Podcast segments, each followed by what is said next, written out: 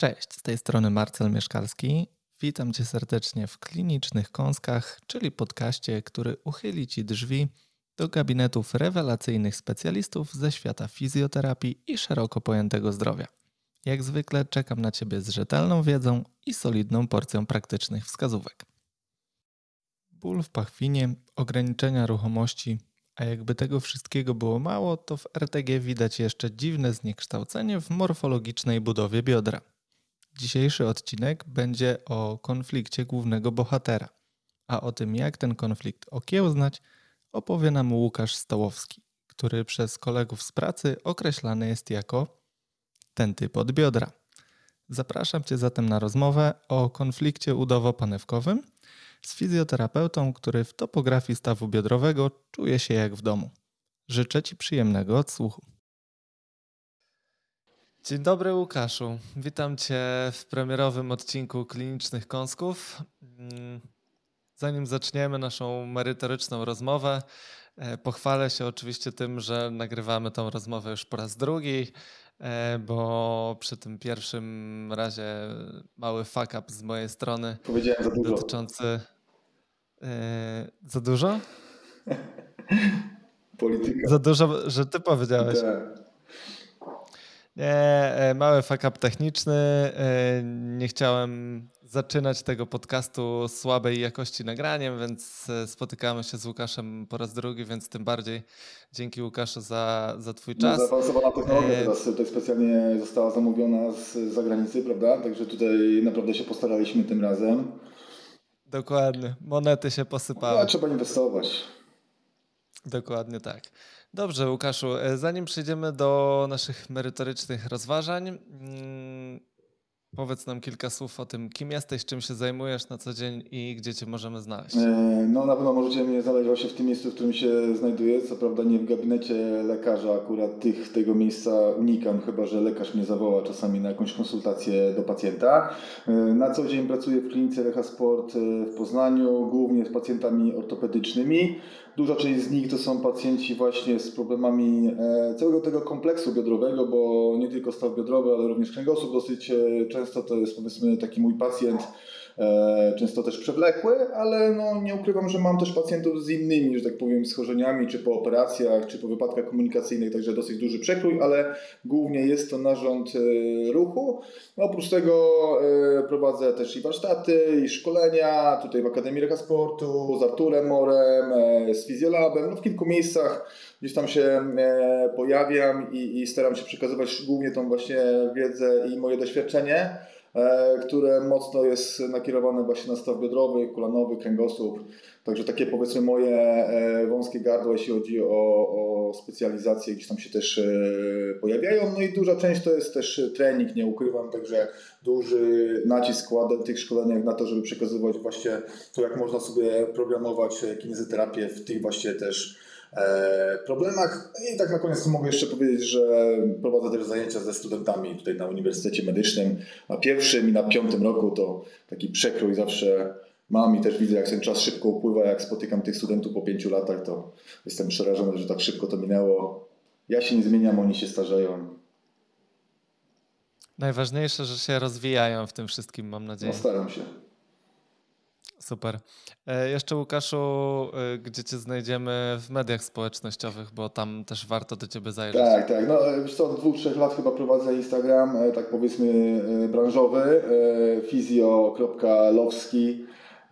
Nazwa tłumaczona na wiele sposobów. Generalnie jak się można... Każdy wyciągnie coś tak dla siebie. Jest. Jakby generalnie to jest tak jak z ocenianiem innych. Jak nie zapytasz, to się nie dowiesz jak ktoś zapyta, to każdemu odpowiem coś innego, także trzeba dopasowywać tak się. Jest, tak jest ciebie cwaniaczek. Tak jest. No dobrze, dobrze. E, przejdźmy w takim razie do rzeczy, Łukaszu. I mm, jako, że dzisiejszym tematem naszej rozmowy będzie konflikt udowo-panewkowy, to chciałbym na początek zapytać Cię, mm, odnosząc się trochę do danych epidemiologicznych i do tych zmian, które towarzyszą pacjentowi, jeśli chodzi o zmiany w strukturze, czy możemy powiedzieć, że pacjenci z tym konfliktem udowo-panewkowym to są tacy młodzi ludzie, którym zestarzały się biodra? Jak ty to widzisz? Znaczy, są takie koncepcje, gdzie mówi się, że jest to proces, y, który jak się już raz rozpocznie, to już właściwie możemy próbować go wyhamowywać, ale on po prostu gdzieś u tej osoby e, przyspieszył. Natomiast no, z definicji no, nie jest to choroba zwyrodnieniowa, no bo jeżeli mówimy o młodym e, biodrze, gdzie tych wyznaczników z choroby zwyrodnieniowej nie ma, mamy pewne tylko zmiany w obrębie morfologii e, biodra, no to tutaj do końca bym się nie zgodził, tym bardziej, że musimy pamiętać, że mm, jakby główna część tego konfliktu, czyli ta narość na szyjce, czyli tak zwany kam, czyli ta, mm, ta zmiana typu e, krzywkowego, ona się pojawia w wieku dorastania, zanim się zamkną e, płytki e, wzrostu. Mm, są takie fajne badania, które pokazują, że właściwie w okresie od tam 14 do 18 roku życia, gdzie te płytki jeszcze są niezamknięte, to ten kam, czyli ta narość może nam wzrastać, szczególnie u sportowców. Szczególnie u osób, które uprawiają sporty bardziej wymagające dla biodra, jak piłka nożna, e, hokej na lodzie, e, gdzie te obciążenia są po prostu e, większe. I teraz pytanie, czy to jest adaptacja, czy to jest zmiana patologiczna, no to na tą chwilę raczej bym obstawiał, że jest to adaptacja u tych osób. Mm, gdy zamkną się te płytki wzrostu, to właściwie ten kam nie wzrasta i tutaj pojawiają się koncepcje, że on się też może pojawiać później na tle jakby samego konfliktowania, czy jakby drażnienia tej szyjki o panewkę i reakcji takiej powiedzmy osteofitycznej. Mm, natomiast tu bym bardziej upatrywał wtedy tych zmian w obrębie samej panewki, czyli zwapnienia na obrąbku, e, zwapnienia później też na panewce, e, czyli tak zwany pincet, czyli ta druga część, można powiedzieć, tego, e, tego ta składowa tego konfliktu udowo-panewkowego. Mm, także, tak jak powiedziałem, raczej w czasie, w czasie dorastania to się pojawia później, ewentualnie może mieć to swoje konsekwencje, ale pewnie o tym jeszcze będziemy rozmawiać.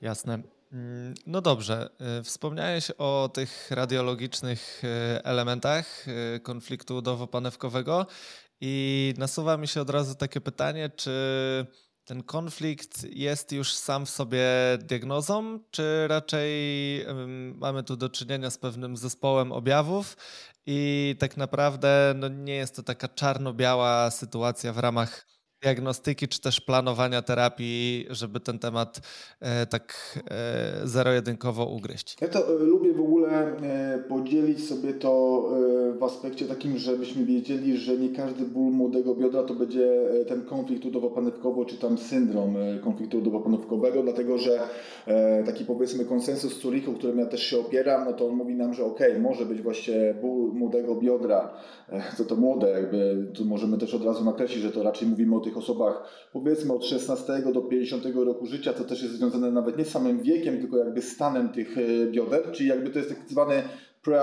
prearthritic e, hip joint pain, tak? Czyli jeszcze nie ma tam zmian zwyrodnieniowych, ale już coś tam się dzieje, pojawiają się zmiany e, i teraz wracając do Zurichu, e, to tak, tam jest podział na ból związany właśnie z tym konfliktem. Możemy mieć ból wywołany graniczną dysplazją, samą dysplazją albo tak zwaną mikroniestabilnością biodra, albo uszkodzeniami w obrębie stawu, jak chociażby uszkodzenia obrąbka, uszkodzenia więzadła obłego, problemy maziówkowe itd., tak które jakby nie pojawiają się wtórnie do tych e, zmian morfologicznych, ale jednak dochodzi do uszkodzenia i pojawiają się przez to e, dolegliwości. Także wracając z kolei do samego konfliktu, to musimy pamiętać o, o, o najważniejszej rzeczy. Sama morfologia, czyli zmiana w rentgenie nie mówi nam, że to mamy syndrom konfliktu udowo-panewkowego. Mamy morfologię tego typu, mamy morfologię typu pincer, mamy kam, mamy też najczęściej w ogóle formę mieszaną, i de facto, żeby nazywać to syndromem, czy jakby mówić o tym problemie, to musimy mieć jeszcze objawy. E, najczęściej jest to przeskakiwanie połączone często z bólem. E, są to objawy połączone z ruchem, z daną pozycją, bo jeżeli mówimy o konflikcie, no to musimy mówić o sytuacji, gdzie rzeczywiście to się konfliktuje. Czyli e, ta głowa drażni się z panewką, drażni nam sam staw w danej pozycji. Czyli no nie może być ten ból jakby sam z siebie wynikający, ewentualnie oczywiście może być tak, że ból się pojawia na drugi dzień, na przykład w pozycjach nawet leżących, ale będzie to związane z drażnieniem, które się pojawiło dzień wcześniej chociażby albo ogólnie wcześniej w danych pozycjach, czy to statycznych, czy to e, dynamicznych. No i trzecia rzecz w tym e, konsensusie z Warwick, e, bo do niego się odnoszę, no to jest kwestia, żeby też były objawy kliniczne w formie testów jak FADIR, FABER. Więc podsumowując to, FADIR, FABER, objawy związane z ruchem albo statyczną pozycją konfliktową, I mm, Do tego oczywiście zmiany morfologiczne. I teraz tylko to rozszerzę i żebyśmy to podkreślili, od strony diagnostycznej, mm, sam rentgen nie determinuje, że to jest pacjent z konfliktem udowo-panewkowym. Nawet jeżeli ma ból w tym rejonie, nie wiemy, musimy to określić na pewno, że to jest ból z biodra. I tak samo w drugą stronę. Może, może być tak, że mamy Fadir dodatni, mamy Faber dodatni, e, a się okazuje, że w rentgenie nie ma tych e, zmian, no to na razie nie możemy mówić, że to jest ten e, syndrom konfliktu udowo-panewkowego. Więc worek to bym nazwał bardziej ból biodra u młodej osoby, który potem możemy rozszerzyć, ale głównie na podstawie badań radiologicznych. Niestety, niestety, bo niestety dla nas, bo my nie możemy ich do końca zlecać.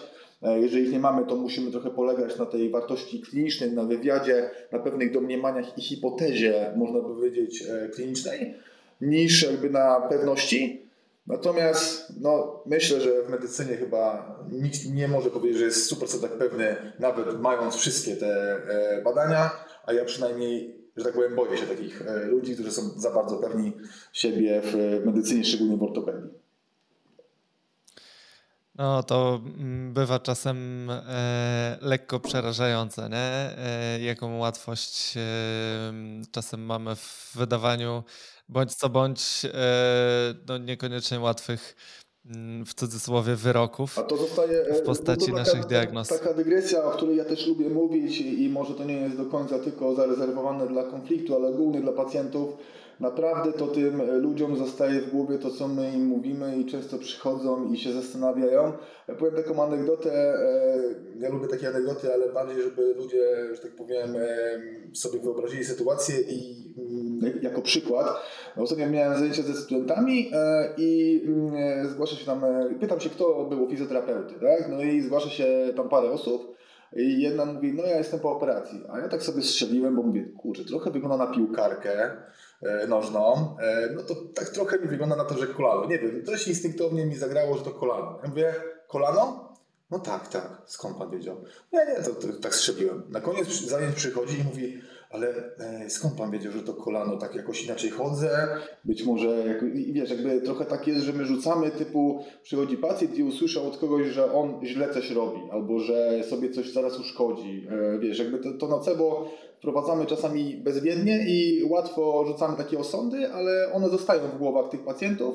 Dlatego tu jestem ostrożny i bardzo się próbuję hamować w tym, co mówię pacjentom złego, o tak powiem. Nie? Czasami trzeba ich tam, wiadomo, w inny sposób motywować niż pozytywną motywacją, ale uważajmy, co mówimy. Tak, w tym konflikcie myślę, że to jest też temat od razu tego, że jeżeli przekażemy tą wersję, że to się tam wszystko ściera, wyciera i ten cały patomechanizm bardzo ładnie opiszemy, bo będziemy chcieli się wykazać tą naszą wiedzą, że ta głowa wchodzi do panewki i nam wyciera e, ten obrąbek z chrząstką, no to myślę, że ta wiara w to, że ta rehabilitacja im pomoże jest po prostu trochę e, mniejsza. Także no myślę, że słowa mają tutaj dużą moc, niestety i stety. Możemy, ją, możemy je wykorzystać w dobry i zły sposób.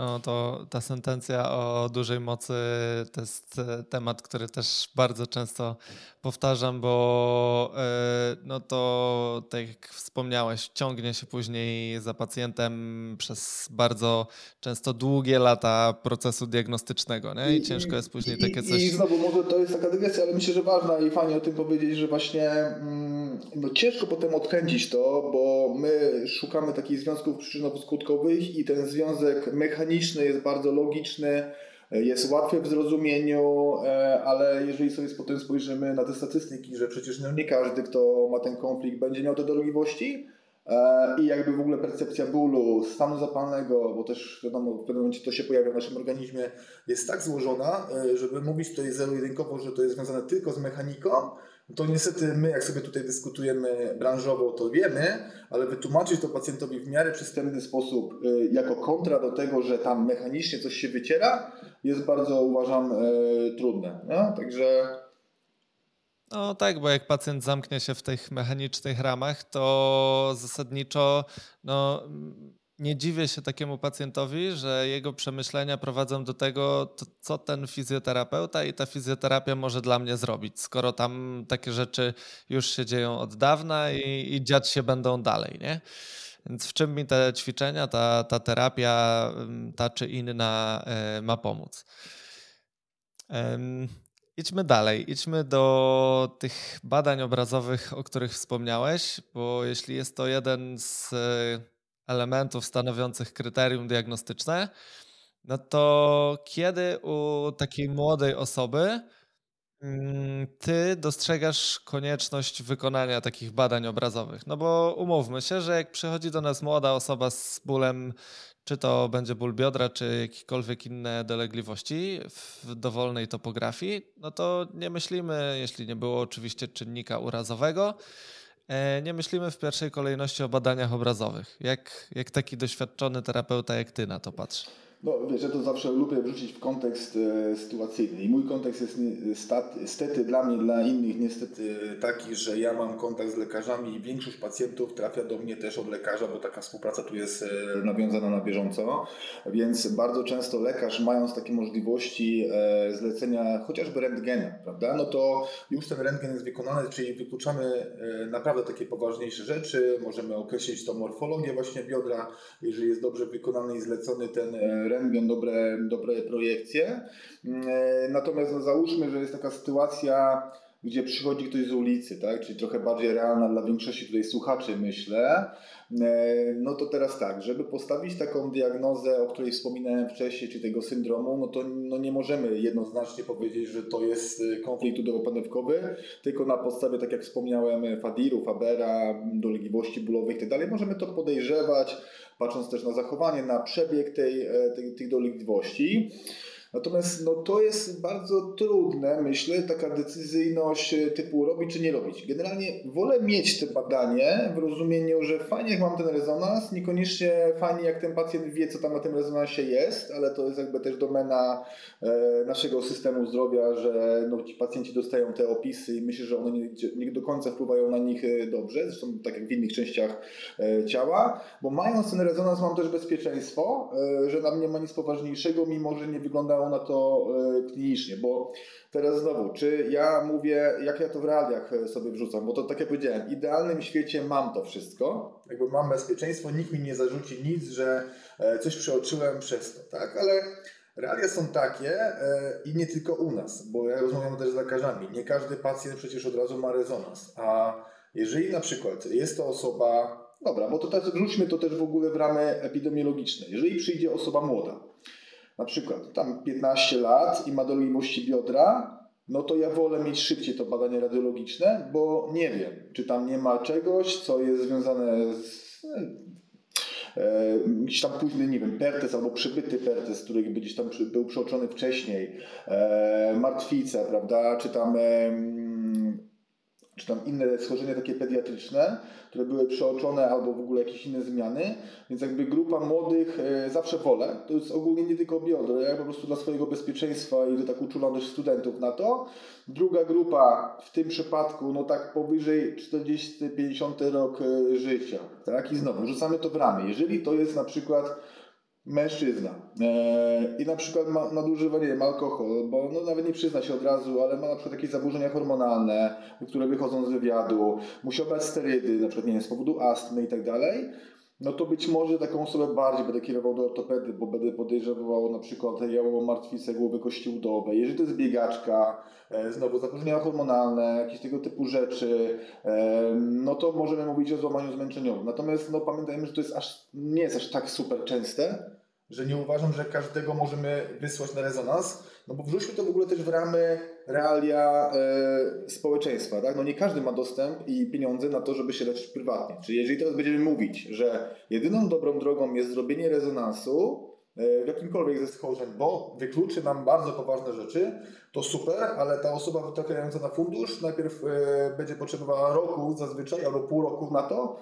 że wróci z tym rezonansem i dopiero rozpocznie terapię. Tak? Czyli no dla mnie, jeżeli są objawy, wywiad yy, i obraz kliniczny taki, który nie daje mi żadnych złudzeń, że to jest związane właśnie z ruchem, że te dolegliwości się pojawiają, na przykład przychodzi i boli go tylko przy siedzeniu, nie boli go przy obciążaniu, bo to też jest dla mnie taki e, kolejny, kolejna flaga, że no boli go przy obciążaniu jakieś duże ograniczenie zakresu ruchu, prawda, czyli no bardzo ostry ból nagle się pojawił ni stąd, ni zowąd, czyli nie było urazu, nie? nagle łapiemy to biodro i to biodro jest ograniczone w każdym kierunku, to wzorzec torebkowy, czy jakkolwiek sobie to tam e, nazwiemy, jakieś czerwone flagi, które my też znamy z naszych przecież e, też działek, no to wtedy wysyłam takiego pacjenta szybciej. Natomiast jeżeli obraz jest raczej klasyczny, boli tam w pachwinie, dookoła, boli przy siedzeniu, przy wstawaniu z krzesła, mam taki obraz, który często jest u tych pacjentów, na przykład bolało już rok, teraz zaczęło boleć bardziej, to jak boli rok, no to może to nie będzie nowotwór od razu, ani też jałowa martwica, jeżeli to już tam rok e, odczuwa w tym miejscu. Także raczej obraz skłania ku temu, że nie jest to nic tragicznego, więc e, na początku próbujemy wprowadzać już jakieś działania. Z tyłu głowy mam zawsze to, że ok, w pewnym momencie, jeżeli to nie będzie szło, dajemy na przykład tutaj te 3-4 tygodnie, jeżeli nie ma poprawy, jest jakiś dziwny obraz, jesteśmy w kontakcie, to mówię, dobra, tu masz e, namiary na ortopedę i spróbujmy to zweryfikować Kontynuując e, temat, że nie jestem radiologiem i ortopedą, mimo że jestem w gabinecie ortopedycznym, e, to nie zlecam tych e, badań, ale to, co chciałem powiedzieć, to jest to, że jeżeli pacjent do nas, do Was trafia i ma dolegliwości bólowe biodra i był na przykład u ortopedy, który no, zlecił mu tylko na przykład AP miednicy, przód tył, AP, tak? No i stwierdza, ok, szpara stawu jest ok, czyli właściwie to biodro jest zdrowe, no to, to jest za mało, żeby stwierdzić, że rzeczywiście ono jest tam całkowicie zdrowe i ten ból nie pochodzi z biodra, bo potrzebujemy też e, zdjęcia często osiowego, potrzebujemy w ogóle AP e, biodra, porównawcze, lewa, prawa, czasami fałszywy profil, są też takie projekcje. Tu po prostu musi być doświadczony ortopeda w temacie, e, który wie, czego chce, co chce znaleźć i co ma szukać i ewentualnie poszerzy to albo USG, chociaż tutaj rezonans jest w sumie znacznie lepszym badaniem. Powiem tylko o rezonansie znowu, bo jest dużo fałszywie negatywnych wyników, dlatego że te slajsy, czy jakby te przekroje, które idą w czasie rezonansu nie zawsze uchwycą uszkodzenie chociażby obrąbka i czasami potrzebny jest do tego kontrast, czasami dobrze jak jest to w miejscu, gdzie badają te biodra, bo znowu, jeżeli będzie technik, który nie bada tych bioder, to on nie ustawi dobrze e, pacjenta samej projekcji, czy projekcji to źle mówię, sekwencji, e, bo to zawsze mi radiolog tłumaczy jak to jest, e, więc no tutaj nie ukrywam, że nie zawsze dobry wynik badań radiologicznych, taki dobry dla pacjenta, będzie świadczył, że rzeczywiście tam czegoś e, nie ma. Nie? Także tutaj myślę, że taka kwestia niedodiagnozowania niektórych e, pacjentów. I teraz nawet prowadziłem warsztat i była dziewczyna fizjo z dolegliwościami bólowymi e, biodra. Badam ją, no wszystko wskazuje na biodro, no ewidentnie, właściwie Fadir, Faber, wszystkie dolegliwości. Mówisz, do tej pory była jakby diagnozowana w, na zasadzie właśnie od kręgosłupa. No, dla mnie, jeżeli nie ruszam kręgosłupem i ruszam tylko biodrem i pojawiają się dolegliwości w pachwinie, no to naprawdę to musiałby być jakiś kazus, że to jest od, od kręgosłupa i to grube generalnie, ale no jak widać, no tak są ci pacjenci diagnozowani i jakby ja też spotykam się z tym na co dzień niestety, e, łącznie z tym, że przyszła pani, która dosłownie jest teraz skierowana na endobiodra, no bo po prostu, no nie wiem, jakby czy pacjenci nie są badani i tylko polegamy na właśnie tych badaniach obrazowych i wtedy wpadamy w te pułapki diagnostyczne, to już nie mi to oceniać, ale, ale no, jeżeli ktoś z ortopedów nas słucha, no to myślę, że, że wie, że niestety tak często bywa. Dobra, a ty mm, w swojej praktyce polegasz głównie na opisach badań radiologicznych, czy lubisz sobie odpalić y, i coś tam, nie wiem, mierzysz na tych zdjęciach, y, czy tylko oglądasz sobie dla własnej y, informacji? Mało, mało tego, ja widzę, że nawet ortopedzi rzadko mierzą, dosłownie jeśli chodzi o idealnie wymierzenie tych kątów i tak dalej. Nie chcę mówić, że wszyscy, bo znam takich, co pewnie też mierzą, mierzą tak, że nawet, wiesz, y, my na przykład mamy takiego fajnego radiologa, który w rezonansie pisze dosłownie parę zdań, ale są kluczowe zdania dla pacjenta i dla ortopedy i dla mnie, a widziałem opisy, które miały po dwie strony A4, tak? I tam piszemy tak dużo rzeczy, że właściwie fajnie i teraz, wiesz, to jest śmieszne, bo pacjent to ocenia, że te dwie strony A4, no to już wie za co zapłacił, z punktu widzenia klinicznego tam jest tak dużo informacji, które są po prostu kopiuj w klej, ale już nawet jakby nie były, to po prostu nie są w ogóle klinicznie istotne. Jeżeli chodzi o oglądanie, lubię obejrzeć rentgen na pewno, e, bo mniej więcej mam pogląd, jak to tam całość wygląda, jak to mogę sobie wrzucić e, w to badanie kliniczne. Dwa, buduję sobie po prostu raz, że wizję tego pacjenta, dwa, że też moją bibliotekę, wiesz, taką e, w głowie jak to wygląda. Myślę, że to doświadczenie właśnie w ten sposób musimy zdobywać, ale też tak, żeby nie szukać czegoś na siłę, bo myślę, że też to lubimy sobie tak robić i, i potem łączyć. Aha, tutaj w tym rentgenie jest to, więc dlatego to jest tak ograniczone. Ja, ja bym powiedział nawet szczerze, że więcej jest takich niejasności niż takich pewników, jeżeli chodzi o to. Czyli na przykład otwieram sobie płytkę z rentgenem, nawet widzę, że jest bardzo duży kam, a wcale ograniczenie ruchu nie jest duże, tak? I wiesz, i wtedy daje mi to do myślenia i właśnie też to są sytuacje, które pokazują, no nie możemy tylko bazować na tym, na tym rentgenie, na tym jednym parametrze, chociażby w tym przypadku jako, jako kam, no bo to jest tylko jeden z parametrów, który nam mówi o tym, jak to biodro może się zachowywać. E, rezonans, e, rezonansu jakby staram się nie za dużo oglądać, ale chociaż jak mam czas to sobie obejrzę znowu dla własnej wiedzy, ale tam wiem, że nawet ortopedzi mają problemy ze znalezieniem pewnej kwestii, także tutaj ufam w 100% naszemu radiologowi, e, no bo on jednak tego robi dużo i wie, co ma tam szukać. Nie? Także na pewno opis, rentgen lubię, ale tak jak mówię, nie oceniam, nie mówię jakby za dużo dla własnej wiedzy, gdzieś tam dla wytłumaczenia pacjentowi, co tam się dzieje, to myślę, że też spoko, nie? No jasne, a powiedz mi, czy mm, taka wiedza radiologiczna, tak y, uprzedzając trochę to, że pewnie będą nas słuchać terapeuci, którzy zastanawiają się, czy powinni wybrać się na jakiś kurs y, analizy interpretacji badań radiologicznych, to czy ty taki kurs skończyłeś, czy uważasz, że można sobie tą wiedzę spokojnie gdzieś tam przyswoić, e, wertując internety, badania i... No mnie w ogóle ciężko pytać o jakiekolwiek szkolenia, bo oczywiście ja w nich uczestniczę, ale no, mimo wszystko wiem, że najwięcej się nauczyłem sam po prostu, czyli nie chodzi mi, że sam, że oglądałem te zdjęcia i to jest moje doświadczenie, tylko bardziej na zasadzie, że musiałem sobie przysiąść, e, poszukać tego w internecie, przeanalizować na spokojnie e, i ewentualnie na szkoleniu wtedy warto dopytać. Jeżeli ktoś idzie z zerową wiedzą na takie szkolenie, to uważam, że jest, e, może być nawet niebezpieczny po takim szkoleniu, bo może uwierzyć w to, że tą wiedzę ma na tyle dużą, żeby to, to oceniać. E, oczywiście te szkolenia e, to jest taka pigułka wiedzy, na co zwrócić na pewno uwagę, jak to powiedzmy czy mierzyć, czy jak to w ogóle działa mm, ten sam rentgen, bo wiadomo, my oglądamy rentgen i nam się wydaje, że coś widzimy, a to się okazuje, że są jakieś artefakty, e, albo oglądamy, nie wiem, rezonans i zapominamy, że prawa to lewa strona, jeśli chodzi na przykład o kręgosłup, także to są takie podstawowe informacje. Wiesz, no ja bym zmierzał do tego, żeby fizjoterapeuci mieli moc wysyłania na rentgen w przyszłości, ale będzie to potrzeba na pewno weryfikacji tej kompetencji, żeby nie było właśnie tej sytuacji jak, jak teraz, gdzie niestety, no wiesz, jakby rozmawiam też z, z ortopedami i oni trochę też narzekają, że muszą często odkręcać tą, te informacje, które uzyskali, uzyskali pacjenci od fizjoterapeutów na podłożu na przykład, nie wiem, USG, które teraz jest bardzo popularne, prawda, czy tego rentgena. Ktoś ocenia więzadło krzyżowe, że jest całe w rezonansie, potem się okazuje, że jest całkowicie niecałe i że jest de facto do, do operacji. E, I to są takie kwiatki, które oczywiście, myślę, że większość tego nie robi, ale ta, te czarne owce niestety nam psują trochę rynek, uważam. Jeżeli za dużo mówimy tym pacjentom i bawimy się w radiologu, próbujemy być trochę, nie wiem, czy to jest jakiś kompleks wobec lekarzy, ja jakby, nie wiem, no tam czasami rozmawiam na ten temat z lekarzami, e, no to no, oni też coś źle odbierają, bo jakby nie chodzi o to, że my nie mamy tego oceniać, Natomiast jeżeli będziemy wchodzić za bardzo w tą paradę, nie mając tej wiedzy i kompetencji, no to myślę, że to może być e, problem. Także uczmy się tego, e, myślę, jak najbardziej, żeby wiedzieć, co jest co. To też fajnie w ogóle uczy nas anatomii, no nie? Czy jakby mamy tą anatomię e, najpierw palpacyjną, ta kadawerowa jest bardzo fajna, żeby sobie wyobrazić, że to nie jest tak łatwo namacalne, jak nam się po prostu wydaje. I potem ta radiologiczna, myślę, że, że też, żeby wrzucać to sobie w pełen taki obraz. Także myślę, że to jest taka nauka anatomii z każdej strony tutaj byłoby istotna. Nawet bardziej niż jakby nauka przebiegu jakiejś tam e, włośniczki, która będzie tam zapatrywać obrąbek e, prawda, na poziomie histologii. Super.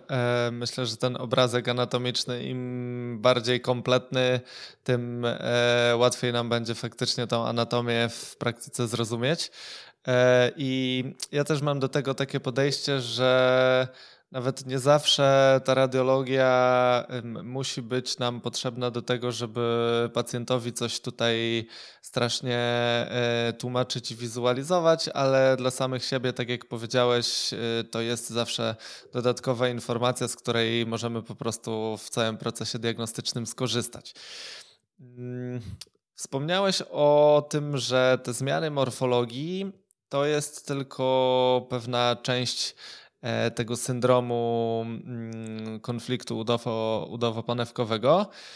I wspomniałeś o tym, że tu i teraz może nie zawsze powinniśmy się tą morfologią e, kierować, ale czy te zmiany w morfologii mogą być e, w pewien sposób predysponujące dla pacjenta pod kątem takich zmian późniejszych, długoterminowych, jeśli chodzi o chorobę zwyrodnieniową stawu biodrowego? Tu wiesz co, myślę, że warto zacząć od tego, e, że statystycznie u asymptomatycznych osób, być może u Ciebie, u mnie, te zmiany występują bardzo często i tutaj są różne, powiedzmy, przeglądy systematyczne, które to próbują podsumować, ale właściwie teraz nie skłamię, jeżeli tam praktycznie 20 parę procent osób ma zmianę typu KAM u osób asymptomatycznych, to jest może mniej szokujące jak to, że praktycznie 50 parę ma uszkodzenia obrąbka, tak? E, coś, co często jest operowane przecież, prawda? I może dawać dolegliwości. Nie mówię, że nie. Natomiast jeżeli weźmiemy pod uwagę, że jednak duża część z nas ma tę zmianę, szczególnie u sportowców, to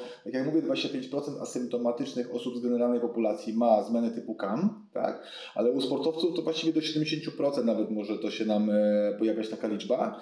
E, u piłkarzy będzie tego więcej, u narciarzy mniej. To też jest samą w sobie ciekawostką dla mnie, że są sporty, które bardziej lub mniej predysponują do, do tego. I tam są różne patomechanizmy, o których już wspominałem wcześniej, o tej płytce wzrostu, o więzadle obrączkowym. To są takie ciekawostki, które ja tam czasami sobie lubię pogrzebać, ale to nam oczywiście za dużo nie, nie zmienia, bardziej daje nam do myślenia. Mm, więc to jest pierwsza kwestia tej, tej radiologii, że no, tak jak powiedziałem, dużo asymptomatycznych. No więc jeżeli jest dużo asymptomatycznych, to nie możemy mówić, że to jest patologia, która jednoznacznie będzie predysponowała do y, zmiany zwyrodnieniowej. Teraz ja lubię opierać się na badaniach dlaczego. Bo jeżeli teraz będziemy dyskutować e, z kimś, na przykład jak z ortopedą, do którego trafiają osoby z bólem zazwyczaj, tak? No bo rzadko ktoś przychodzi do naszego gabinetu i mówi zróbmy sobie zdjęcie e, biodra, bo być może mam tam zmianę i sprawdźmy, może jest tam kam albo pincer albo coś innego. Raczej przychodzą już z bólem, tak? No i przychodzą z bólem na przykład wieku 50 paru lat, tak? No i tam się okazuje, że jest zmiana zwyrodnieniowa, no i patrzymy, jest też kam. I rzeczywiście tak zwana reguła dostępności, w którą myślę, że często wpadamy, czyli teraz jeżeli do nas przychodzą te osoby i widzimy, że na przykład ten pacjent nam idzie, on ustępuje mu ten ból. Albo bardzo dużo osób widzimy na przykład przy okazji badanie rentgenowskie ma tą zmianę, a nic go nie boli, no to my sobie myślimy, że e, to tam to nie może boleć, bo większość moich pacjentów nie boli, a zresztą jak bolało, to im pomogłem, porozluźniałem e, mięśnie dookoła i nagle jest e, super, a jak nie wrócił, to już w ogóle jest super, dlatego że mu pomogłem, a nie wrócił, bo już dawno jest po operacji na przykład, tak? Więc to jest, to jest nasza bańka informacyjna. Bańka ortopedyczna jest taka, o której powiedziałem, czyli z kolei tak jak z zerwanym acelem e, przychodzą e, i mają chorobę zwyrodnieniową, czyli wszyscy bez acela mają chorobę zwyrodnieniową, e, no, bazując na tylko własnych anegdotycznych informacjach. Tak samo z tym, z tym kamem. Natomiast co mówią badania? Duży kam powyżej 78 stopni, bo to tak parę takich badań jest i jakby tu już mówiąc o duży, to jest 78 stopni. To jest w ogóle problem też co to jest KAM, co to jest uszkodzenie obrąbka, a propos tych przeglądów e, i jak będziemy to w statystykę wrzucać, bo KAM na początku był powyżej 55 stopni kątu alfa, e, teraz ostatni przegląd mówi nam o 60 stopniach, czyli widać, że ta granica się przesuwa. I teraz e, wiadomo, że trochę inaczej to biodro będzie się, uważam, zachowywało w życiu, jeżeli masz 55 stopni, czy ta głowa jest trochę mniej taka jajkowata, niż jak taki typowy pistolet w przypadku już 70-80 stopni e, kątu alfa. I ta grupa z tym większym kątem predysponuje i to jakby coraz więcej badań pokazuje, predysponuje bardziej, no powiedzmy bardziej niż generalna populacja, bardziej niż ten mały kam, no ale znowu to nie jest tak, że każdy skończy. Tam już teraz nie chcę e, kłamać, ale powiedzmy, że tam 40% rozwijało zmianę zwyrodnieniową, parę procent rozwijało taki end stage, jakby taki już skrajny w przeciągu 10 lat, jak to zostało wykryte. Słuchaj, to zawsze trzeba sprawdzić te badania i uważam, musimy je weryfikować trochę. Jaka była grupa, jaki właśnie był punkt wejścia, no bo jeżeli mówimy o kamie, ktoś mówi 55 stopni i grupa ma na przykład 55 do 60 stopni i mówimy, grupa scan nie rozwinęła zmian zrodnieniowych, nie?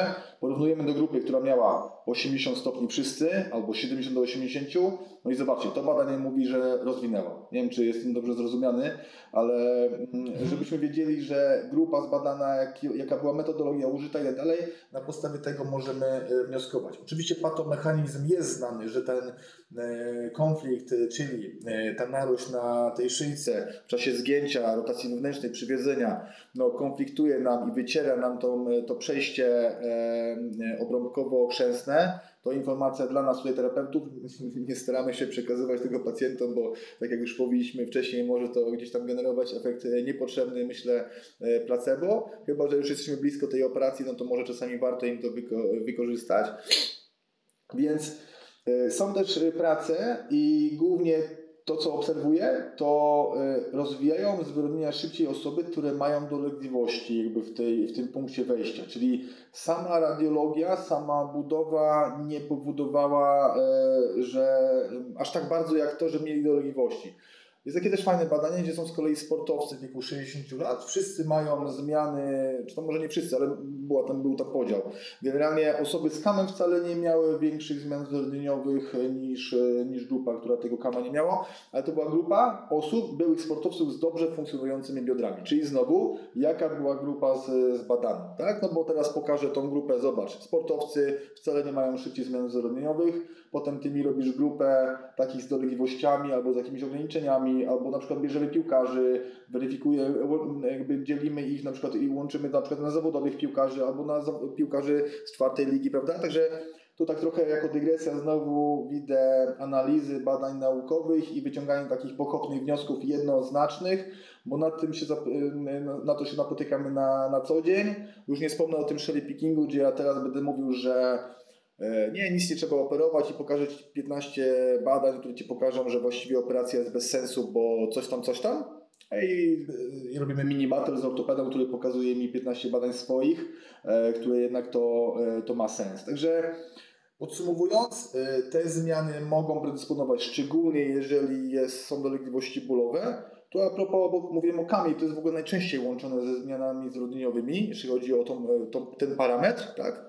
Natomiast pincer, czy ta druga część, mm, dużo, dużo czasu nie było łączenia pincera ze zmianami zrodnieniowymi. Teraz się pojawiły badania, które pokazały, że jeżeli są dolegliwości bólowe i jest pincer, to wtedy to ryzyko wzrasta. Czyli bardziej myślę, ten proces choroby zrodniowej, to co mówiliśmy na samym początku, że to się nie dzieje tak e, szybko, ale te zmiany na maziówce, te mikrostany zapalne, które tam się pojawiają na podłożu tego, co się dzieje w stawie biodrowym, czyli może jakieś niestabilności, teraz to ja dywaguję, no to, to jest jakby przyczynek do tego, żeby ten proces tam e, istniał. No wiadomo, że nawracające stany zapalne w stawie powoduje szybsze zmiany zbrodniowe. Czyli znowu, jeżeli mamy dolegliwości bólowe, maziówka w jakiś sposób szaleje, to będzie nam to e, powodowało szybsze zmiany e, zbrodniowe na tle biochemicznym, nawet nie tylko właśnie mechanicznym. Czyli nie tylko chodzi o wycieranie klasyczne, tylko cały ten proces choroby zbrodniowej, który nam się tam e, odbywa. Dlatego ja też dużą uwagę staram się przekazywać również na, na konferencji, o tym mówiłem, PT Artro, no bo znowu, my się skupiamy na tej morfologii, a zapominamy o całym układzie człowieka, czyli e, o wpływie całej biochemii, czyli jak wygląda jego stan zdrowia, jak poziom hormonów wygląda. Już mamy coraz więcej badań, które pokazuje, jak poziom testosteronu czy progesteronu wpływa nam na to, że na przykład mamy szybciej lub e, później e, zmiany zwyrodnieniowe. I dlaczego ja o tym myślę? Znam osoby, które mają zaawansowane zmiany zwyrodnieniowe i totalnie fajnie funkcjonujące biodra czy stawy kolanowe, I to mnie zastanawia, czemu to jest ta grupa. Dlatego ja nie szukam jakby tylko tego, że ok, 25% szybciej rozwinęło sobie zmianę zwyrodniową. Mnie interesuje te 75%, co zrobili albo jakie parametry u nich się pojawiają, które powodują, że te zmiany zwyrodnieniowe nie występują u nich tak, e, tak szybko i tu jeszcze jako dokończenie takiej dygresji, to myślę, że przyszłością jest ten cały machine learning, czyli e, sztuczna inteligencja, która będzie zbierała te wszystkie informacje z całego ciała, łączyła dane z badań z krwi, e, wywiad chorobowy, wywiad rodzinny e, i tą morfologię. I sprawdzało dopiero na podłożu tych dużych baz danych, nie tam, że mamy grupę 100 i się cieszymy, że mamy 100 osób zbadanych, tylko wiele tysięcy osób, ale to wymaga systemowego podejścia. E, tak jak na przykład w Skandynawii, no to mają cały rejestr prawda, artoskopii e, biodra na przykład, które w ogóle wykonuje dwóch czy tam paru, paru lekarzy e, i oni wiedzą mniej więcej ile jest na przykład zmian zwyrodniowych w trakcie artoskopii, ile jest uszkodzenia obrąbka. To są fajne statystyki, a nie tam na grupie 100 osób na przykład z Poznania, które na przykład, nie wiem, przez to, że lubi jeść ziemniaki, na przykład wpłynęło... Rogale świętomarcińskie. Tak, rogale świętomarcińskie teraz, tak. E, no dobrze, czyli e, ja bym ukuł tutaj e, kilka takich elementów podsumowujących to, o czym do tej pory mm, powiedziałeś, Łukaszu, bo mam wrażenie, że tych rzeczy jest dużo, a mm, fajnie, żeby to zostało gdzieś tam podkreślone. Kam mm, nie równa się faj, czyli nie możemy powiedzieć, że y, sama zmiana w morfologii to od razu konflikt udowo-panewkowy. To jest taki, taki podstawowy element. Teraz idąc tym tropem, jeśli ta zmiana w morfologii nie jest y, jakby wyznacznikiem konfliktu udowo-panewkowego, to warto zwrócić uwagę, że w większości tym e, pacjentom ze zmianami typu CAM towarzyszą też inne e, uszkodzenia strukturalne o mniejszym bądź większym nasileniu, czyli te, o których wspomniałeś, jak chociażby e, uszkodzenia obrąbka, uszkodzenia więzadła obłego, czy też uszkodzenia właśnie na poziomie samej chrząstki i w pewnym sensie jest to taki proces z punktu widzenia biochemicznego, czy metabolicznego, gdzie ta zmiana w strukturze w jakimś stopniu wpływa nam na funkcję w tym obszarze i koniec końców efektem może być proces zwyrodnieniowy, no bo te wszystkie uszkodzenia strukturalne mogą tym procesem zwyrodnieniowym się zakończyć, ale tak jak sama morfologia typu KAM nie jest y, wyznacznikiem tego, że taki pacjent będzie miał objawy, tak samo znowu pacjent ze zmianami zwyrodnieniowymi to też może być pacjent, który na, mm, tym, na tej płaszczyźnie objawowej funkcjonuje bardzo dobrze. To tylko, Więc... Może tylko będę komentował tak na szybko, żeby też nie przedłużać. E, ten kam e, występuje w różnych miejscach, czasami na przedniogórnej części, czasami na e, tylko bocznej, w zależności od tego, co my robimy. Jeżeli to jest na przykład sportowiec, który jakby nie korzysta z przywiedzenia aż tak mocno, tak, to może się okazać, że on będzie mniej mechanicznie tego to drażnił. I druga dygresja jakby komentująca, te dolegliwości oczywiście najczęściej są w pachwinie, ale mogą być też z boku biodra, mogą być w pośladku i mogą być też w kręgosłupie, także oczywiście e, może być sytuacja, gdzie mamy ten kam i mówimy, że nie ma objawów, ale objawy są, bo są w kręgosłupie. E, albo mamy ten system hip spine, gdzie rzeczywiście ograniczenie w biodrze wpływa nam na to, że ten kręgosłup jest bardziej przeciążany, przez co mamy dolegliwości odkręgosłupowe, ale przyczyną jest biodro. Tylko teraz pytanie, czy mamy wtedy operować biodro albo coś z nim robić no to to jest jakby temat dyskusyjny, ale tylko chciałem uzupełnić to, że e, no oczywiście morfologia może być, muszą być objawy, tylko te objawy nie możemy się e, skupiać tylko, że musi być w pachwinie, może być po prostu też w inny sposób to objawowe. Jasne. Często też e, chyba będzie taki obraz, że mm, pacjenci którzy już mają objawowy faj, to mm, zdarza się, że, zdarza, że zgłaszają dolegliwości po obu stronach. Y, zdarza się to w Twojej praktyce? Tak, bo bardzo często ten konflikt, że tak powiem, morfologiczny jest obustronny i w ogóle też badania to potwierdzają nasze obserwacje niestety też, że czasami po operacji jednego, potem zaczynają się dolegliwości drugiego, które też nie chcą ustać i na przykład też się kończy artroskopią, e, ale tak, no przez to między innymi, że odciążamy jedno, jedno i przeciążamy drugie. To jest pierwsza odpowiedź. Druga jest po prostu taka i najprostsza, najbardziej prozaiczna, że te zmiany są obustronne e, bardzo często, a być może jest to temat właśnie tej całej biochemii i to jest coś, co mnie zastanawia, tak? Cały czas. E, I to jest temat, myślę, na osobny podcast e, a propos tej całej biochemii, która nas, w, nas krąży, która prowokuje e, dolegliwości bólowe, czy tam powiedzmy właśnie te mikrostany zapalne, i może odpowiadać trochę na pytanie, czemu niektórzy mają naprawdę duże zmiany i to w kolanach, w stawie i tak dalej, a nie mają żadnej dolegliwości. Naprawdę robią takie rzeczy, łącznie z tym, że nie wiem, uprawiają brazylijskie jiu-jitsu, coś co jakby by się wydawało, że jest niemożliwe. I teraz, jeżeli będziemy patrzeć na logikę, na mechanikę tego i tak dalej, to ktoś powie, no nie, no przecież on musi go boleć, jeżeli on ma uszkodzoną obrąbek, bo przecież wchodzimy tą głową, tutaj to wszystko pracuje. I dla mnie też jest to logiczne, ale to powiedz mi, dlaczego tak jest, że ta osoba no nie ma tej dolegliwości, nie narzeka, łapiesz mu to biodro, pracuje normalnie. I takich pacjentów też miałem. Może to jest znowu reguła dostępności, ale mi to daje bardziej do myślenia niż jakby um, jakiś pewnik, ale ja lubię takie rzeczy, żeby dawać sobie pod wątpliwość to, co, to, co myślę. Nie? Pewnie. Mm, tak sobie myślę o tych wszystkich e, czynnikach, które mogą dokładać nam do tego przysłowiowego worka, który, z którego w końcu e, coś tam się zacznie wysypywać i nasz pacjent zgłosi objawy, to czym taki pacjent e, który zgłasza ci objawy zwykle, mm, oprócz tych testów prowokacyjnych typu FADIR, FABER, e, czym taki pacjent będzie się charakteryzował w takim twoim codziennym badaniu? Gdzie on zgłasza największe problemy, największe deficyty, gdzie ty w e, swojej jakiejś takiej baterii testów e, widzisz te deficyty u pacjenta? Partnerem mojego podcastu jest Akademia Enedu Platforma dla fizjoterapeutów, z którą w kilka godzin nauczysz się więcej niż aktualnie uczysz się w miesiąc. Po przesłuchaniu tego odcinka wejdź na enedu.pl i korzystaj do woli z zasobnego archiwum kursów online oraz webinarów.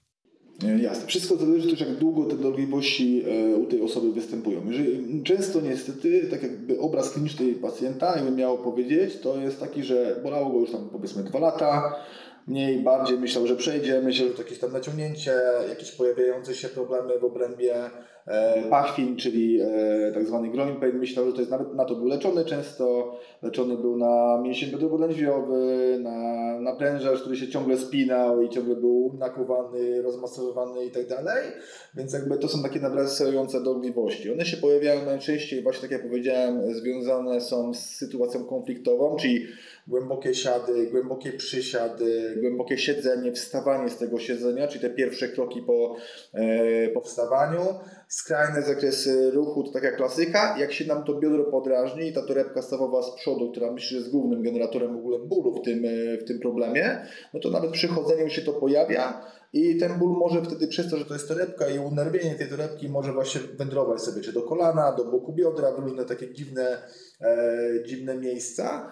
E, więc to jest taki obraz. E, badania kliniczne najczęściej ograniczenia zakresu ruchu, ale tutaj pamiętajmy, że to co my nazywamy ograniczeniem może być po prostu jego urodą, czyli coś co jest związane z morfologią samej panewki. Wiadomo, że jeżeli mamy na przykład e, panewkę bardziej w antywersji, to będzie trochę bardziej zwiększona rotacja chociażby wewnętrzna, a rotacja zewnętrzna już może być troszeczkę trudniejsza dla tej osoby, a jednocześnie nie możemy powiedzieć, że to jest ograniczenie. Także tutaj e, tylko jako znowu dygresja oceniamy cały zakres ruchu, a nie to, czy jest to względem norm przyjętych z książek od kinezyterapii. E, żeby też nie wrzucać komuś do głowy, że o Jezus Maria musisz to rozciągać, a tak naprawdę co będziemy rozciągać to jest kość, w sensie staw, e, jakby granica na, na panewce, a niekoniecznie e, mięsień, czy tam rzeczywiście tkanka e, miękka.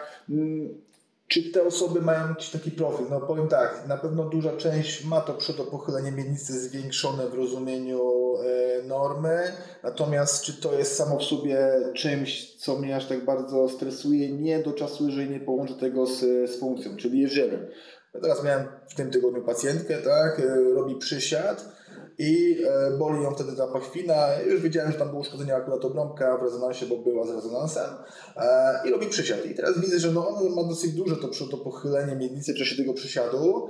E, no to teraz schodzimy w dół, korygujemy, czy tam powiedzmy robimy tyło pochylenie, mówi o, teraz mam większy luz, mniej mnie boli. Jest to logiczne, bo jeżeli spojrzymy sobie na panewkę i głowę, no to to jest przodopochylenie miednicy, ta panewka trochę ma większe pokrycie tej głowy, w momencie zgięcia no, szybciej będzie dochodziło do końca zakresu ruchu po prostu. Już nawet nie chodzi o konflikt, po prostu o koniec zakresu ruchu, niż jak zrobimy sobie trochę miejsca tutaj. Czy jak ona schodziła sobie do przysiadu, była tutaj, no to już tutaj czuła ograniczenie. Jeżeli tam do tego dołożymy jakieś tam zmiany typu CAM, to dosyć e, szybko wchodzi w to. Jeżeli teraz ona zrobi sobie tyło pochylenie trochę, to trochę później, trochę zejdzie głębiej do przysiadu. Jeżeli teraz zrobi sobie, a też tak robiła, akurat to był idealny przykład w ogóle, że też koślawiła te kolana, tak kolokwialnie to ujmę, bo już nie chodzi o to, ale szły kolana do środka, czyli siłą rzeczy robiła sobie fadil, w czasie przysiadu, prawda? No, no robiła zgięcie, przywiedzenie, rotację wewnętrzną. No to jeżeli mówię, dobra, to teraz mamy tył pochylenie jest lepiej, zrób sobie rotację zewnętrzną, kolana trochę szerzej, jak jest teraz i wchodzisz, się okazuje, wchodzi e, niżej. Ja nie mówię, żeby robiła te przysiady, tylko to daje pogląd, jak to możemy e, obserwować, jak wrzucać w kontekst tą budowę jej e, ciała. Bo a propos e, tego przodopochylenia, e, to udało mi się o tym wspomnieć ostatnio i chciałem też o tym powiedzieć, o tym tak zwanym e, parametrze, tak zwanym pelvic incidence, czyli to jest parametr, który mówi jak wygląda relacja między kością krzyżową a głową kości udowej. I to jest niestety sztywny parametr, czyli my go sobie rozwijamy w dzieciństwie, ale później on już jest sztywny, i to jest e, no, dla niektórych zmora, dla ortopedów również, bo jeżeli nie weźmiemy pod uwagę ten tak zwany sagittal balance, czyli jakby tej płaszczyzny strzałkowej, jeśli chodzi o ustawienie kręgosłupa względem właśnie biodra, to możemy zrobić komuś krzywdę robiąc źle do protezę, możemy komuś zrobić krzywdę robiąc źle e, spondylotezę e, kręgosłupa i będzie ten e, kręgosłup na tyle sztywny i niefunkcjonalnie pracował, że będzie nam obciążał biodra. I to jest ta sytuacja, gdzie pacjenci właśnie mają trudność z zrobieniem chociażby tyło pochylenia w przypadku tych konfliktów. I są na to badania dosyć fajne i to jest też trochę znowu kolejna kwestia jaki jest obraz kliniczny morfologicznie też, tak? No bo jeżeli mamy KAM, y, ale na przykład pacjent potrafi fajnie sobie uciec y, miednicą, może zrobić sobie tyło pochylenie, ma luz na kręgosłupie, dodatkowo ma tak panewkę zbudowaną, która daje mu trochę więcej tutaj tego miejsca, no to jest mniejsze ryzyko, że będzie to konfliktował i powodował drażnienie, niż na przykład ma retrowersję panewki, tak? I chce robić głębokie siady i jeszcze do tego ma na przykład y, tendencję sztyw, usztywnionych pleców, prawda, nie może zrobić tyłu pokolenia, bo jest tam zawolony, na przykład z powodu jakichś przeszłych problemów z kręgosłupem, prawda, czyli jakby coś, co nas usztywniło, mamy problem z robieniem tyłu y, pochylenia, problem z robieniem zgięcia na kręgosłupie lędźwiowym, przez to trudniej nam uciec trochę od tego konfliktowania. I były takie badania i dlatego mówię, że robię badania, bo e, wtedy badamy sobie te osoby i stwierdzamy, dobra, te osoby, które potrafiły uciec, miały mniej symptomów niż te, które rzeczywiście były na, na sztywno i miały ten pelvic incidence na przykład mniejszy. Także no, to takie znowu ciekawostki. Ja nie mierzę tego pelvic incidence, e, żeby nie było, natomiast to mi daje znowu pogląd, że na nie wszystko my mamy wpływ, aż tak jakby nam się wydawało. I tu w rozumieniu terapii, że ja nie, tego nie poprawię, ale też chociażby treningu, czyli jeżeli ktoś uparł się na głębokie siady, a ma to wszystko, o czym ja teraz powiedziałem, no to ja mówię, słuchaj, co ty chcesz przez te głębokie przysiady osiągnąć? Jeżeli chcesz sobie rozwinąć fajnie tyłek, to Ci pokażę pięć różnych ćwiczeń innych, które będą nawet lepsze niż to, co Ty robisz, a nie będziesz sobie podrażniał tego biodra, tak? Gdzie tym bardziej to jest zazwyczaj generalna populacja, tak? Znowu, jeżeli to jest sportowiec i on musi być w tym głębokim siadzie, bo na przykład jest hokeistą na lodzie, no to dlatego często się to może skończyć artoskopią właśnie z tego względu, że no my nie zrobimy mu tej kompensacji w żaden sposób po prostu, nie? Pewnie. No, ten kontekst pacjenta tutaj jest na pewno bardzo, bardzo istotny.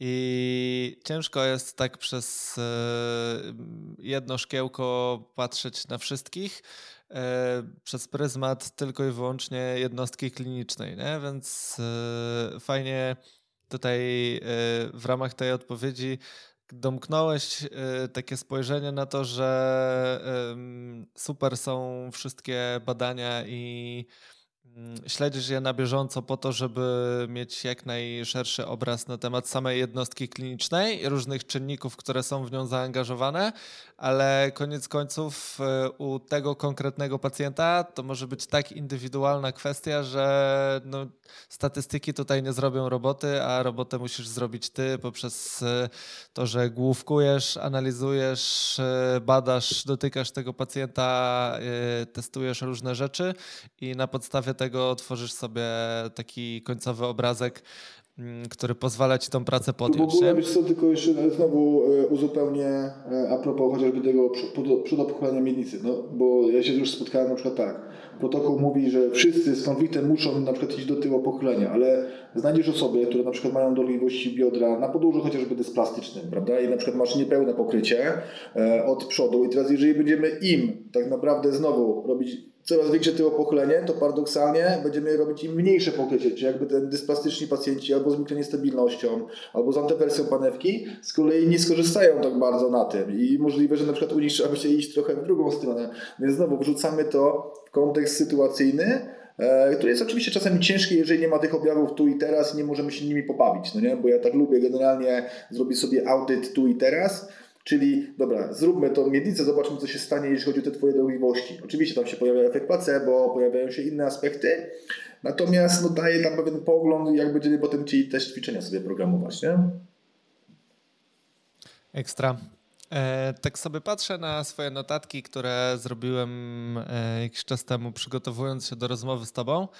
Mm, to często w badaniach wspomina się o różnego rodzaju kwestionariuszach jeszcze w ramach y, oceny pacjenta i te kwestionariusze oprócz takich rzeczy specyficznych, które my często oceniamy e, w testach prowokacyjnych w badaniu ruchomości, e, zwracają uwagę na ADL, czyli na jakieś tam czynności dnia codziennego i na mm, różne aktywności czy funkcje, w których e, te dolegliwości u pacjentów się pojawiają. Czy ty mm, w ramach swojej praktyki korzystasz z takich narzędzi? E, korzystam w ramach, e, może nie tylko praktyki, ale korzystam w ramach badania naukowego, które prowadzimy na tej grupie.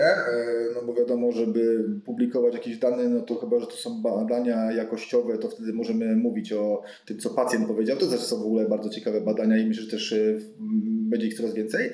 Natomiast e, no, potrzebujemy jednak e, cyferek, potrzebujemy tych kwestionariuszy dla właśnie e, podsumowania tych cyferek i zwrócenia uwagi, w których o nich rzeczywiście aspektach życiowych mają większy problem.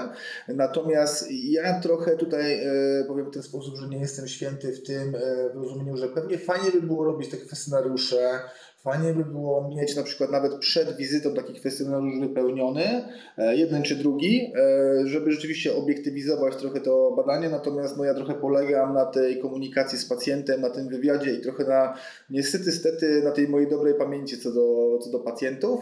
I te kluczowe rzeczy zapisuję sobie w dokumentacji po prostu e, co, gdzie, przy czym, kogo, jak bardzo bolało, natomiast też niestety, mówię niestety, bo jeżeli będę bazował tylko na tym, to, no to można w pewnym momencie wpaść w tą pułapkę, że przyjdzie pacjent i jednak nie będę tego e, pamiętał, mm, e, więc jakby u generalnych pacjentów niebadanych tego kwestionariusza akurat ja nie e, stosuję, także nie dostaję tego papieru do ręki.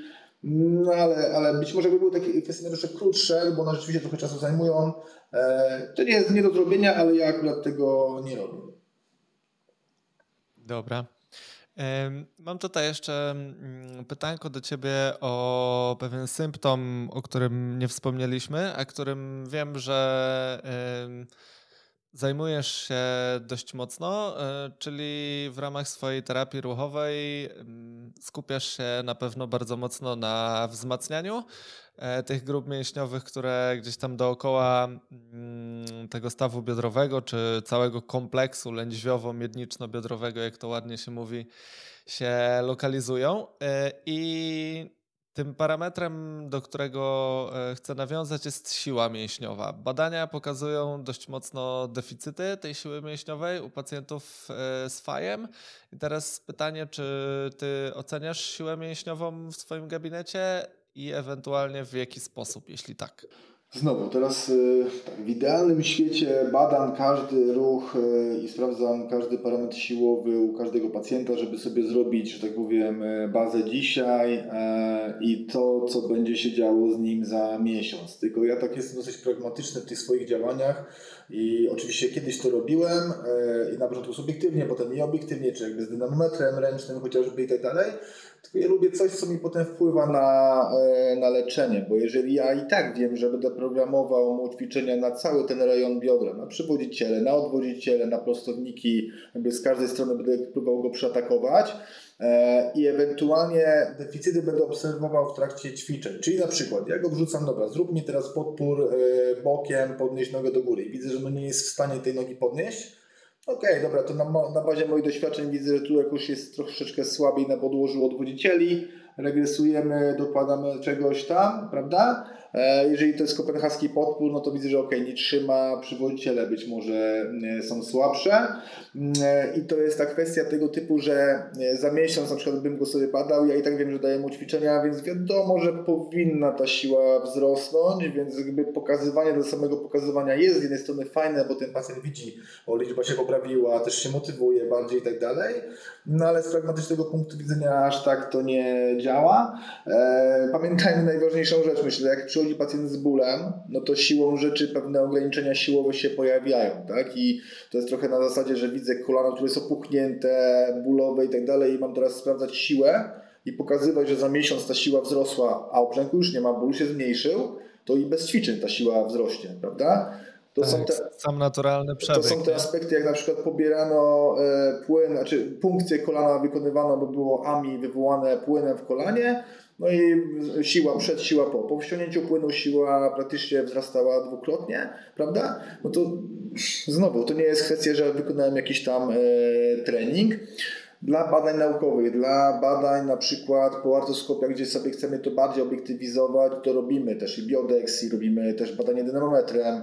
Czasami nawet zwykłe badanie takie, mm, to nie jest manualne, to jest manualne bardziej w skali jakby w stylu Loweta troszeczkę, prawda? Czyli sprawdzam tak subiektywne to odczucie, ale sprawdzam rzeczywiście e, siłę, a przy okazji sprawdzam, czy nie ma przy, przy tym jakiegoś e, bólu. Także to sobie starałem robić, ale no po prostu tak jak powiedziałem, zauważyłem, że to i tak nie ma znaczenia. Poza tym Jakbyśmy chcieli z kolei porównywać osoby do osoby, y, to pamiętajmy, że jeżeli na przykład sobie ustalimy, że badamy w pozycji 45 stopni na przykład odwiedzenia, to dla jednej to może być końcowy zakres ruchu, czyli zakres wewnętrzny mięśnia, e, czyli no generalnie trudniej nam tam wygenerować pełną siłę, a dla drugiej to może być środkowy zakres ruchu, czyli teraz ok, badam drużynę w 45 stopniach i na przykład ten miał 10, a ten ma 20, tak? no ale to nie wynika z tego, że na przykład e, on jest słabszy, tylko że ja tak zmierzyłem, prawda? Więc jakby to też musimy brać pod uwagę. Poza tym znowu morfologia, jakby to w ogóle lubię, bo to mi trochę odpowiedziało na pytania, czemu niektórzy mają taki zakres ruchu, niektórzy mają trudność na przykład w staniu na jednej nodze.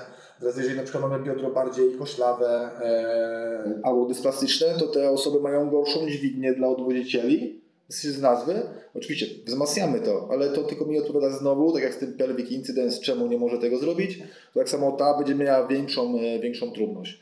Także idealnie e, zbadamy, żeby mieć jakiś punkt e, odniesienia później. Myślę, że to co jakiś czas warto robić, ale też nie jestem tym święty i może mógłbym być w tym lepszy, chociaż po prostu tak jak powiedziałem, nie widzę aż tak tutaj wskazań, dlatego że nie widzę, jakby, czy by mi to wpływało jakoś bardzo potem na terapię. Tak samo jak te badania radiologiczne, nie? Czy jakby, czy ja mam duży kam, czy mały kam, to na początku i tak staram się leczyć e, zachowawczo, jeżeli są do tego, nie ma przeciwwskazań, więc czy on ma 70 stopni, czy tam 68, czy 58, no to na razie sprawdzamy, jak będzie reagował, prawda, i będziemy to obserwować. Myślę, że tutaj to też nie jest błędne. No, myślę, że to jest bardzo praktyczne podejście, bo y, pacjenta można też zmotywować na bazie tego, że wiesz, sama progresja ćwiczeniowa pokazuje mu, że idzie do przodu. Trzy tygodnie temu nie był w stanie zrobić ćwiczenia X, a dzisiaj macha na tym ćwiczeniu trzy serie. Natomiast, nie? Tylko jeszcze było, kilka dobrych powtórzeń. Chciałem powiedzieć, że ja się czasami nacinam właśnie i, i sam sobie e, kurczę, pluję sobie w brodę, że na przykład tego nie zrobiłem. Na przykład teraz e, taki z banki test, e, czyli tam powiedzmy, że sprawdzamy wytrzymałość e, każdej taśmy, powiedzmy mięśniowej, tu nie chodzi o te taśmy, no i na przykład e, no nie wyłapałem czegoś jakby w tych ćwiczeniach, e, gdzie się okazało, że rzeczywiście ten przewodniiciel był gdzieś tam słabszy. Także czasami warto jednak robić, zbudować sobie trendy, obserwacje. Ja też to też mówię z swojej perspektywy, gdzie już trochę tego przerobiłem kiedyś, zauważyłem, że w sumie nie masz tak wpływu, ale co jakiś czas się nacinam, że mogłem jednak to sprawdzić. Także tutaj oczywiście święty nie jestem.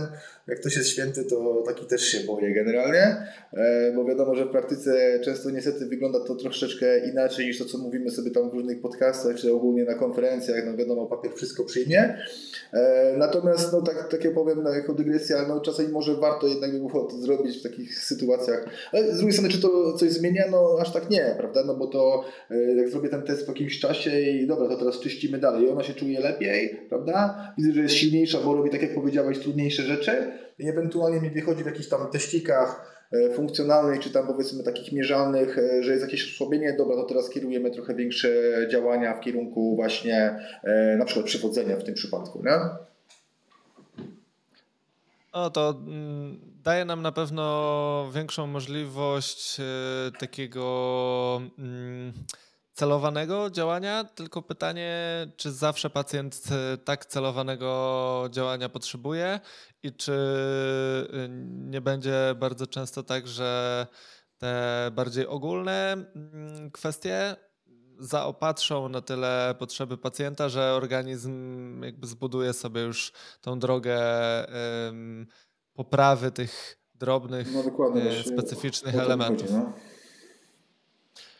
No okej. Okay. Jest jeszcze jedna rzecz, o którą chciałem zapytać, bo mówimy dużo o leczeniu zachowawczym, a wiem, że jakiś czas temu w swoich mediach społecznościowych e, wrzuciłeś e, temat e, analizy różnych doniesień naukowych na temat różnic w formach leczenia e, konfliktu udowo-panewkowego. Czy mógłbyś się tutaj podzielić swoimi wnioskami z tej mhm. analizy? Znaczy, to jest dosyć, myślę, proste, jeżeli nie będziemy, e, jeżeli schowamy ego do kieszeni i każdy będzie znał swoje miejsce, to przynajmniej według aktualnych wskazań to praktycznie można powiedzieć, że praktycznie każdy pacjent e, skorzysta na próbie leczenia zachowawczego tylko przez określony czas, to się podaje różnie, od 6 tygodni nawet do 6 e, miesięcy, ale oczywiście obserwujemy, jak ten pacjent się zachowuje, bo jeżeli po 6 tygodniach nie ma e, poprawy żadnej, ma problemy z funkcjonowaniem i tak dalej, to wtedy za bardzo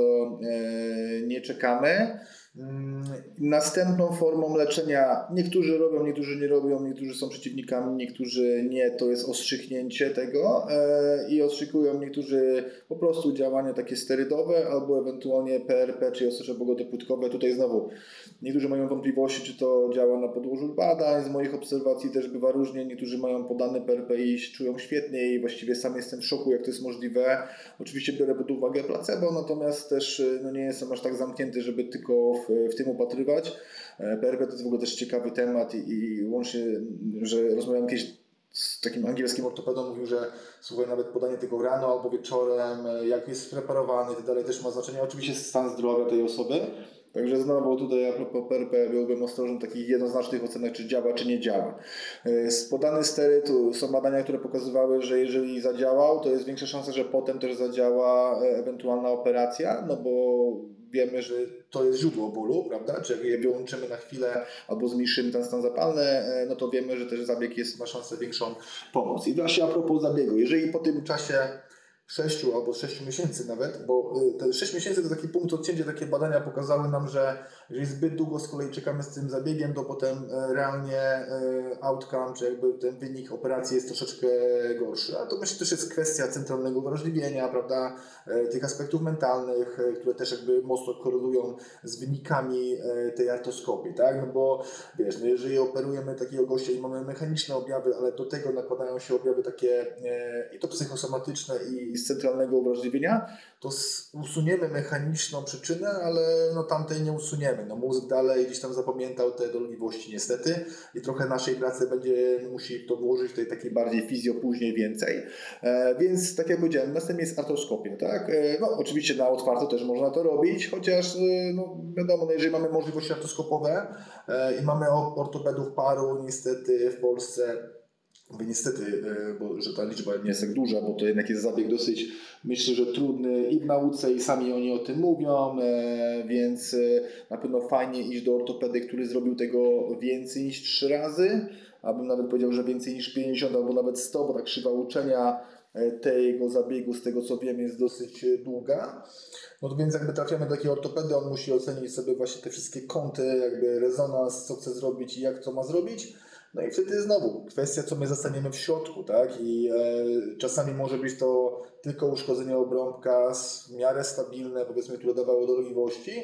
A może być tak, że jest uszkodzenie rozległe, e, które na przykład trzeba zaopatrzyć rekonstrukcją, czyli pobraniem pasma biodrowo-piszczelowego albo części prostego uda, żeby zaopatrzyć i stworzyć z tego taką namiastkę tego, e, tego obrąbka, która przywraca nam tą funkcję E, sącą stawu, no bo to jest jakby jego główna funkcja. Czasami się też robi zabieg na, e, na chrząstce, tak? No i teraz znowu, no jeżeli wszystko fajnie idzie, to ten pacjent się poprawia. Czy on się poprawia E, tak idealnie, no to też trzeba sobie jasno powiedzieć, że według badań to też nie jest tak, bo na przykład do sportu wraca 90%, ale do performansu sprzed dolegliwości już wtedy jest 70%, nie? czyli znowu statystyka, prawda? Patrzymy, wrócił na boisko, ale gdzieś tam no nie jest to jednak to samo, co, e, co było. Tu jeszcze a propos, e, generalnie w badaniach aktualnych artroskopia wychodzi trochę lepiej niż rehabilitacja. Tutaj są te aspekty, o których też myślę, że mówiliśmy wcześniej i, i tu by można było się zagłębić, czemu tak jest. Wiadomo, najprościej byłoby powiedzieć, usuwamy przyczynę kostną, nie?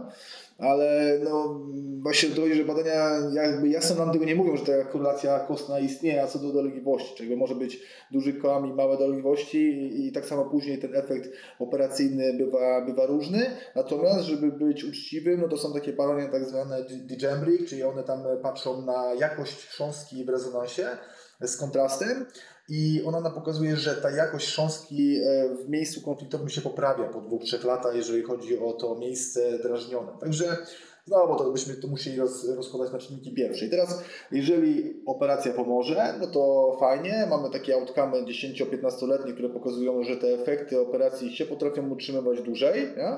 Nie wiemy, czy nas to ochroni przed endoprotezą.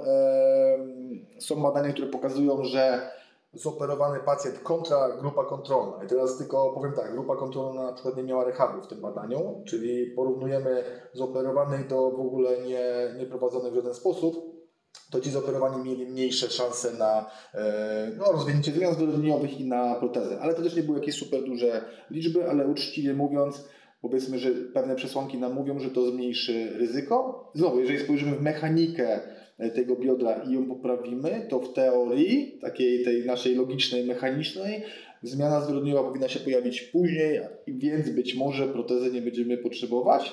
Chociaż znowu pamiętamy, że można mieć super zwyrodnienie wielkie i nie mieć dolegliwości, więc w sumie też nie będziemy potrzebować protezy, no bo w sumie ona jest na dolegliwości bólowe przeznaczona. I właśnie a propos protez, w, w pewnym momencie jeżeli już nic nie pomaga, już są zaawansowane zmiany zwrodnieniowe, pacjent nie nadaje się do artroskopii, bo już rozwinął sobie tak duże zmiany zwrodnieniowe w biodrze. Nawet niektórzy mówią, że szpara stawowa jest poniżej 3 mm, e, no to wtedy albo jest kapoplastyka, albo już endoprozoplastyka. I to, co ja ostatnio wrzucałem, to chciałem przekazać, że te możliwości tych protez są coraz większe i jakby nawet są osoby, które wracają do sportu. Ja tu nie będę rzucał nazwiskami, bo oczywiście są takie nazwiska jak Andy Murray, tam Azaja Thomas, to jest koszykarz, ale nie ten stary Azaja Thomas, e, jak ktoś tam jeszcze pamięta te czasy, tylko ten nowy Azaja Thomas. I on po kapoplastyce wrócił. Ja znam osobiście osoby, które wróciły do sportów e, walki po protezoplastyce, prawda? Ktoś będzie straszył, że e, i tak to się rozleci i tak dalej no, dane są różne, wiemy, że daje nam to możliwość fajnej funkcji i naprawdę niektórzy zbyt dużo czekają czasu z protezoplastyką, nawet u młodych osób, bo mówią, nie, no słuchaj, nie rób teraz, bo to zaraz będziesz musiał wymieniać znowu. To jest tak, no tam 58% po 25 latach y, jest przeżywalności. Czy to dużo, czy mało? Teraz znowu, szklanka to połowy pełna, czy pusta? No dla mnie 58% w sumie po 25 latach użytkowania i to tych starych protez, bo to są dane na tych starych protezach, nie wiadomo jak to było założone i tak dalej. To znowu a propos protez, y, jak dyskutujesz z osobami doświadczonymi, no to one mają bardziej liberalne doświadczenie typu nie, on może robić wszystko. Właściwie nie ma ograniczeń. Nie? nie ma tych restrykcji, które my się uczyliśmy na studiach, typu nie no, noga na nogę, to niebo zwiknie się biodro. Nie ma i dlaczego, bo on, zrobi, on wie, że zrobił to dobrze, panewka jest dobrze usytuowiona, głowa jest dobrze dobrana, jest stabilne biodro, nie? a jak ktoś nie jest pewny albo gdzieś tam nie poszedł do przodu z wiedzą, bo to ja nie mówię tego z moich przekonań, ja to mówię z aktualnej wiedzy, która pokazuje, pokazuje że grupa z tymi restrykcjami klasycznymi, które my znamy jeszcze ze studiów, kontra grupa, która do granicy bólu, tak to ujmę, nie ma różnicy, jeżeli chodzi o ilość zwiknięć. Więc jeżeli tak jest, no to korzystajmy z tego i korzystajmy z tych nowinek i właśnie z tych możliwości, które nam daje ortopedia. Nie przyciągajmy pacjenta zbyt długo, bo on się męczy, on utyka, on potem idzie na tą protezę już tak zesztywniały, kręgosłup ma tam wiadomo już zajechany i nie ma tego efektu, no bo on ma już wymienione biodro, ale boli go teraz dalej ten kręgosłup, który już się rozhulał przez to zwyrodniałe biodro i tak dalej, nie? Ja miałem pacjentów po 40 lat, są mega zadowoleni, którzy są teraz jakby klasyka to jest to, co oni mówią, czyli czemu ja nie zrobiłem tego wcześniej, prawda? Więc Znowu, zachowawcze leczenie na początku. Jeżeli nie pomaga 6 do 6 miesięcy, tygodni, do tych 24, e, to jest artoskopia. Też fajne wyniki i to właśnie, dlaczego fajne? Nie tylko badania. Ja przyjmuję wszystkich pacjentów u nas w klinice i zawsze lubię ich pytać, jaka była historia przedtem. Właśnie, jaki sport uprawiali, co robili, mm, i jak te dolegliwości u nich się e, zachowywały. Bardzo duża, częsta historia, rehabilitacja, y, napięte mięśnie ciągle, wiesz, jakieś tam ćwiczenia, tu, to, tamto, bez mapy generalnie, to już nie chcę tego pomija, pomijać z tego faktu, e, czyli wiesz, na zasadzie na YouTube 90 na 90 wszyscy walimy, boli mnie bardziej, ale muszę robić, bo muszę się rozciągać dalej, nie? I no i co? Robię matoskopię i nagle się okazuje, że miesiąc po zabiegu on kurde, nie mam tego bólu, który miałem. Ja nie mówię, że to jest jakby wszystko mlekiem i miodem płynąca kraina, dzieci po artoskopiach to są super pacjenci, którzy tylko dobrze idą, bo tak nie jest ale duża część jakby widzi wartość, ja też widzę po prostu tak obiektywnie patrząc na to, że y, zyskują na tym, nie? No komplikacje oczywiście też się zdarzają i to jest minus no, w ortoskopii, nie? Komplikacje, infekcje, koszty, koszty to wiesz, my mamy problem w, Polsce taki, że my nie liczymy kosztów, jeśli chodzi o Fundusz Zdrowia, ale cost effectiveness to są podstawowe badania na zachodzie, gdzie się liczy, czy ta artroskopia na tyle zwiększa funkcję tego pacjenta, żeby warto było kłaść na nią pieniądze państwowe, czy może jednak zainwestujmy w coś innego. I u nas tego po prostu e, brakuje. Więc u nas też jakby to jest tam aspekt też na inny, myślę, podcast, ale podsumowując to chyba to, co, to, co powiedziałem. No bo po protezoplastyce już więcej możliwości już nie ma, to jest jakby definitywny zabieg, ewentualnie rewizja, czy jakby kolejna, e, ale ja mówię, nie bałbym się żadnego e, z tych podejść, czyli tu do ortopedów. Nie bójmy się leczyć zachowawczo, bo nawet jeżeli nie powiedzie się, to fajnie przygotujemy Wam tego pacjenta do, do operacji. E, dla fizjoterapeutów, bo myślę, że tu jest duży problem, czyli my się boimy tych ortopedów, bo każdy oczywiście chce tylko zarobić i w ogóle e, oni są range, range rover, a my jesteśmy range of motion i, i wiadomo, coraz jakaś taka waleczka się pojawia. E, natomiast, no kurczę, to jest pacjent, prawda? Jeżeli on cierpi, ma problemy, to czemu nie dać mu tych możliwości, które ta ortopedia daje, a daje naprawdę fajne, łącznie z tymi protezami później, nie? Fajne jest w tym wszystkim też to, co podkreśliłeś, że możliwości tych protez są naprawdę dużo lepsze niż to było kiedyś. A ma to no, niemałe znaczenie, biorąc pod uwagę, że te zmiany zwyrodnieniowe pojawiają się już u coraz młodszych pacjentów, nie? szczególnie jeśli to jest bardzo aktywna osoba. Ja tylko, jak ktoś nie wyłapał z rozmowy czy z wypowiedzi Łukasza e, tego tematu związanego z przeżywalnością, to tam chodziło o przeżywalność endoprotez, nie pacjentów, więc nie, nie martwcie się, że te 25 lat to dotyczy pacjenta. Czasami tłumaczenie takie po prostu bezpośrednie to survivorship, także no rzeczywiście tak, tak, to dobrze, że to wyjaśniłeś, bo niektórzy mogą to ująć trochę w inny sposób. No. Dobrze. E, Łukasz, masz do czynienia na co dzień z e, różnymi specjalistami z zakresu właśnie ortopedii, z, z chirurgami.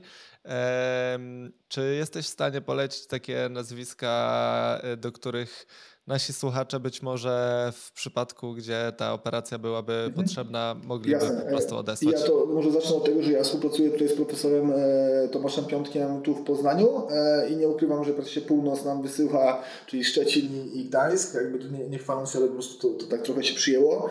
E, oczywiście później jest doktor Arkadiusz Koniarski, on przyjmuje w kilku miejscach de facto i chyba nawet Wrocław, Częstochowa na pewno, Kraków, Warszawa.